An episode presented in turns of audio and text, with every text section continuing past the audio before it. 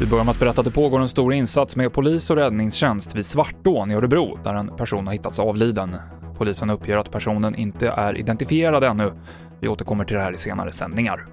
15 nya dödsfall med bekräftad covid-19 har rapporterats i Sverige, meddelar Folkhälsomyndigheten. Sammanlagt har nu 14 904 smittade personer avlidit. Nedgången i antalet covidfall har planat ut i Sverige, men vi ligger bra till jämfört med övriga Europa, sa Anders Tegnell på en presskonferens nyss. Vi har haft betydligt lindrigare höst än många andra länder i Europa som har haft rätt höga toppar. Ett ganska stort antal länder. Men vi har legat på en lite lägre nivå och nu på sistone en, en nedgång som dock verkar plana ut något. Mer från dagens presskonferens på TV4.se.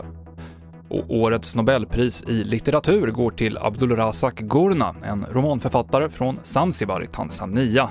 Han beskrivs av Svenska Akademin som en av de tongivande postkoloniala författarna från Afrika. Två av hans tio romaner finns översatta till svenska. Senaste nytt i appen TV4 Nyheterna. I studion Mikael Klintevall.